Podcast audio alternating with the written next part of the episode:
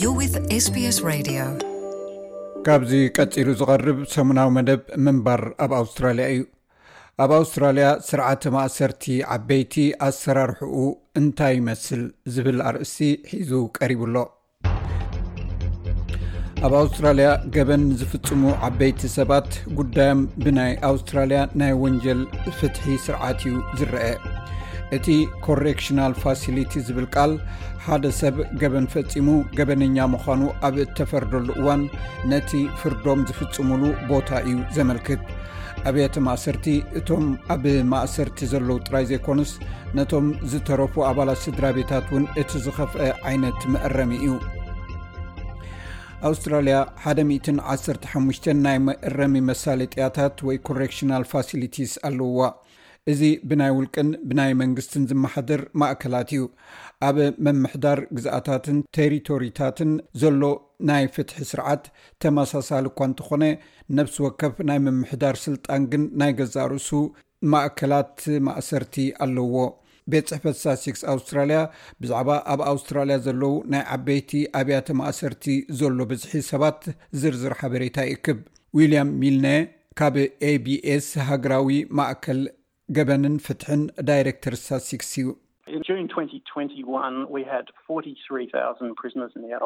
ኣብ ሰነ ክልተ ሽሕን ዕስራን ሓደን ኣርባዓን ሰለስተን ሽሕ እሱራት ኣብ ስርዓተ መእረሚ ናይ ዓበይቲ ነይሮምና ካብኣቶም እቶም ልዕሊ ዓሰርተ ሓሙሽተ ሽሕ ዝኾኑ ድማ እንደገና ፍርዲ ዝፅበዩ ዘለዉ እዮም ቴስዓን ክልተን ሚእታዊ ደቂ ተባዕትዮ ክኾኑ ከለዉ ሸሞንተ ሚእታዊ ደቂ ኣንስትዮ እየን ብገምጋም እሱራት ንሰለስተ ዓመትን መንፈቕን ኣብ ቤት ማእሰርቲ ይዳጎኑ ነቶም ኣብ ዳግማይ ፈተና ዝጽበዩ ድማ ሰለስተ ነጥቢ ኣርባዕተ ኣዋርሕ እዩ። ነቶም ኣብ ማእሰርቲ ዝርከቡ ብዝሒ ተኣረምቲ ኣቦርጂናውያንን ቶረስትሬት ኣይላንድራውያንን ኣፍልጦ ምሃብ ኣገዳሲ እዩ። ከም ታሪኻዊ መጉዳእትን ወለዶኣዊ ጉድኣትን ንዝኣመሰሉ ብዙሕ ሕልኽልኽ ዝበለ ረቋሒታት ነቲ መጠን ማእሰርቲ ከብዝሖ ክኢሉ ኣሎ። ዊልያም ሚልኔ ካብ ኤቢኤስ እተወስተ ስታትስቲክስ ኣለዎ። ናብ መጠን ናይቶም ኣብ ማእሰርቲ ዘለዉ ጠቕላላ ሰባት ኣብ ሚእቲ ሽሕ ዝኾኑ እኹላት ሰባት ክልተ ሚእትን ዓሰርተ ኣርባዕተን ሰባት እሱራት ከም ዝኾኑ ንፈልጥ ኢና። ኣብ ዙርያ ኣቦርጅናውያንን ቶረስ ስትሬት ኣይላንደራውያን ሰባት ጥራይ እንተወሲድና ግን ኣብ ሚእቲ ሽሕ ሰባት ናይ ኣቦርጅንን ቶረስ ስትሬት ኣይላንደራውያን ክልተ ሽሕን ኣርባዕተ ሚእትን ዓሰርተ ክልተን ሰባት ኣብ ቤት ማእሰርቲ ይርከቡ። እዚ ቁጽሪ ካብቲ ሓፈሻዊ ህዝቢ ብዓሰርተ ዕጽፊ ይዛይድ። ሓደ ሰብ ናብ ቤት ማእሰርቲ ምስ ዝኣቱ ዝጠልቦ ደረጃ ውሕስነት ክንደይ ምዃኑ ይግምገም።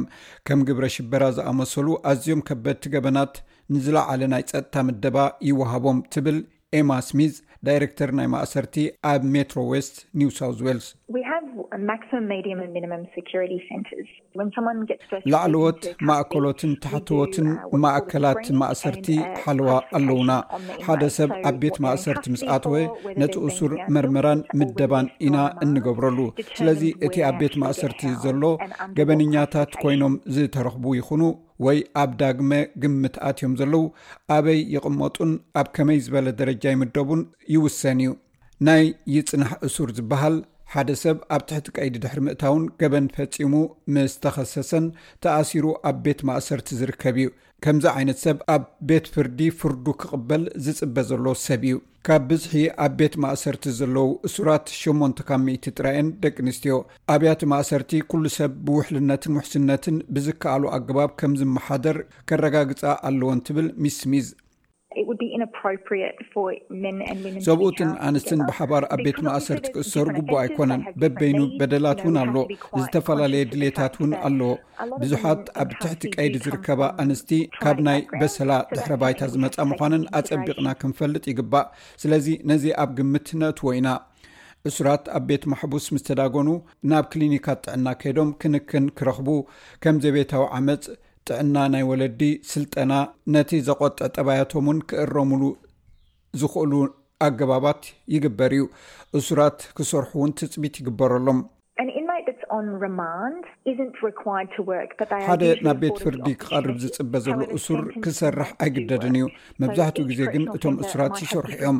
ስለዚ ነብሲ ወከፍ ማእከላት መእረሚ እተፈላለዩ ኢንዳስትሪታት ስራሕ ክህልዎም ይኽእል እዩ። ገለ ካብቲ ዝሰርሕሉ ቦታታት ፅሬት፣ ፅሬት ናይቲ ከባቢ ማለት እዩ፣ ክሽነን ፅገናን ካልእ ኣብ ገለ ማእከላት ዝርከብ ቦታታት ድማ ከም መስርሕ ባኒ፣ ሕትመት፣ ምህንድስና፣ ምግዛእን ምሻጥን ከም ማእከል ዕዳጋ ኮይኑ ንእሱራት ዝተፈላለየ ንብረት ካብኡ ክዕድጉ ዘኽእል እዩ። ገሊኦም እሱራት ምሉእ ብምሉእ ኣብ ቤት ማእሰርቲ ይእሰሩ፣ እዚ ማለት ምሉእ ግዜ ናይ ማእሰርቶም ኣብ ቤት ማእሰርቲ የሕልፍዎ። ይኹን እምበር ብዙሓት እሱራት ቅድሚ ዝተፈርድሉ መዓልታት ብምሕረት ካብ ቤት ማእሰርቲ ክወጽሉ ዝኽእሉ ዕድል ኣሎ ትብል ሚስ ስሚዝ። ካብ ፍርዶም ኣቐዲሞም ዝወፁ እሱራት ምክትታል ክግበረሎም ይፍቀድ እዩ ስለዚ ሓደ እሱር ንሓፂር ግዜ ናብቲ ማሕበረሰብ ኣብ ዝወፃሉ እዋን ብጥቡቅ ክትትል ይግበረሉ ከከም ኣድላይነቱ ድማ ናብቲ ቤት ፅሕፈት እናመፀ ሪፖርት ይገብር እሱራት ከም ዝኣመሰለ ደገፍን ማሕበረሰባዊ ጥዕናን ንክረኽቡ ፅቡቅ ኣጋጣሚ እዩ ዝፈጥር ምክትታል ይግበረሎም ከም ዘሎ ክፈልጡ ኣገዳሲ እዩ። ኣብቲ ግዜ እቲ ዳግማይ ናብቲ ማሕበረሰብ ክወሃዱ እውን ዕድል ይፈጥረሎም እዩ። ሰባት ምስ ተኣስሩ ኣበየናይ ቤት ማእሰርቲ ከም ዝርከቡ ምፍላጥ ይከኣል እዩ። ኣባል ስድራ ቤቶም ኣበይ ተኣሲሩ ከም ዘሎ ንምፍላጥ ነቲ ኣብ ግዝኣቶም ዝርከብ ክፍሊ ኣገልግሎት መእረሚ ወይ ደፓርትመንት ኦፍ ኮሬክቲቭ ሰርቪስስ ከዘራርቡ ይኽእሉ እዮም። እዚ ሓበሬታ እዚ ኣብ ኢንተርነት እውን ይርከብ እዩ። ንሓደ ኣብ ቤት ማእሰርቲ ዝርከብ ሰብ ክትበጽሖ እንተደሊኻ ካብቲ ቤት ማእሰርቲ ፍቓድ ክትረክብ ኣሎካ። ነፍሲ ወከፍ ማእከል ናይ ገዛእ ርእሱ ቁጽሪ መስመር ኣለዎ ወይ ድማ ኣብ መርበብ ሓበሬታኦም ምብጻሕ ይከኣል። ናብቲ ናይቲ ቤት ማእረሚ ናይ መብፅሒ መስመር ብምድዋል እቲ ምብፃሕ ዘይክልኩል ምዃኑ ብምርግጋፅ ምስቲ እሱር ቆፀሮ ንምግባር ትምዝገብ እቲ ናይ ምብፃሕ መስመር እቲ ምብፃሕ መዓዝ ከም ዝኾነ ኣብቲ ዝድለ ዘሎ መዓልቲ ምብፃሕ ዝከኣል እንተኾይኑ እንታይ ረቑሒታት ከም ዘድሊ ማለት ንጉሆ ምብፃሕ ዝግበር እንተኾይኑ ወይ ኣብ ውሱን መዓልትታትን ውሱን ሰዓታትን እቲ ናይ ኣካዳድና መምዘኒታት እንታይ ከም ዝኾነን ብኸመይ ከም ዝኸዱን ከምኡውን ኣብዚ ቦታ ምስ በፅሑ ዕንቅፋት ዘይብሉ መስርሕ ምብፃሕ ንክኸውን ምጥጣሕ እዩ ወለንተኛ ናድያ ኣባል ስድራ ቤታ ኣብ ቤት ማእሰርቲ ዝነበራ ኮይና ነቲ ኣብ ገበናዊ ስርዓት ዘሎ ፍትሒ ንኽትፈልጥ ዝሕግዝ ኣዝዩ ውስን ሓበሬታ እዩ ነይርዋ። ቤተሰባ ናብ ቤት ማእሰርቲ ኣብ ዝኸደሉ እዋን ሰባት ዘድልዮም ነገራት ምእንቲ ክረኽቡ ኣብ መርበብ ሓበሬታ ሓጋዚ ነገራት ኣቑማ። ናድያ ከም እትገልጾ መብዛሕትኡ ግዜ እቶም ብደገ ዘለዉ ስድራቤታት ሕፍረት ከይብሉንን ከምኡውን ምንጻል ይስምዖም እዩ።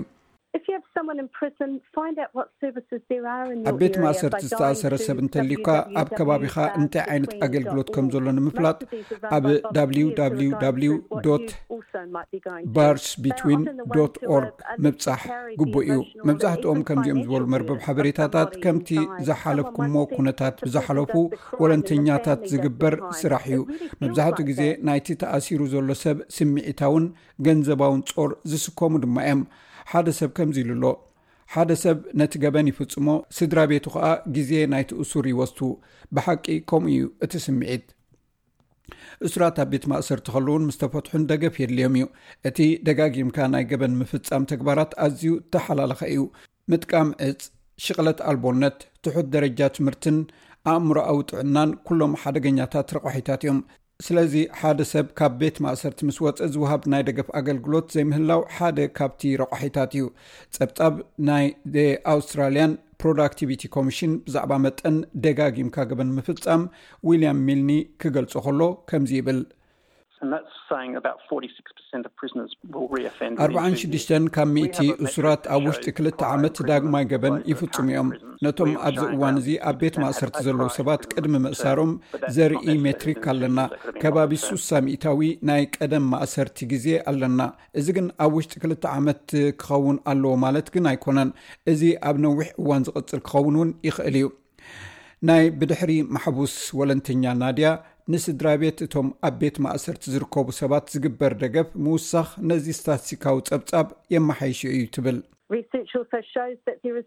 ብዘይካዚ መጽናዕትታት ከም ዝሕብርዎ ሓደ ሰብ ካብ ማእሰርቲ ምስ ወጸ እንደገና ናብ ሕብረተሰብ ክጽምበር ይኽእል እዩ።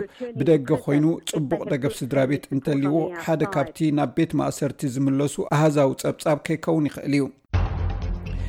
ናይ ስbስ ላይፍ ኦን ዘ ኣውትሳይድ ዘርእስቱ ሓድሽ ናይ ዶክመንተሪ ፊልም ናብ ገበናዊ ተግባር ዳግም ንዘይምምላስ ዝዓለመ ፍሉይ ተበግሶ እዩ እዚ ተኸታታሊ ፊልም እዚ ካብ ቤት ማእሰርቲ ዝወፁ ሰባት ንሚእቲ መዓልትታት ኣብ ርጉእ ስድራ ቤታት መንበሪ ክወሃቦም ከሎ እንታይ ከም ዘጋጥም ዝምርምር እዩ ላይፍ ኦን ዘ ኣውትሳይድ ኣብ ስbስ ኦንዲማንድ ክትከታተልዎ ትኽእሉ ኢኹም እዚ ሬድዮ ስፔስ ብቋንቋ ትግርኛ ዝፍኖ መደብ እዩ እዚ ክሰምዖ ዝፀናሕኩም ሰሙናዊ መደብ ምንባር ኣብ ኣውስትራልያ እዩ ኣብ ናይ ሎሚ መደብና ንስርዓተ ፍትሒ ኣውስትራልያን ኣብያተ ማእሰርትን ዝምልከት እዩ ነይሩ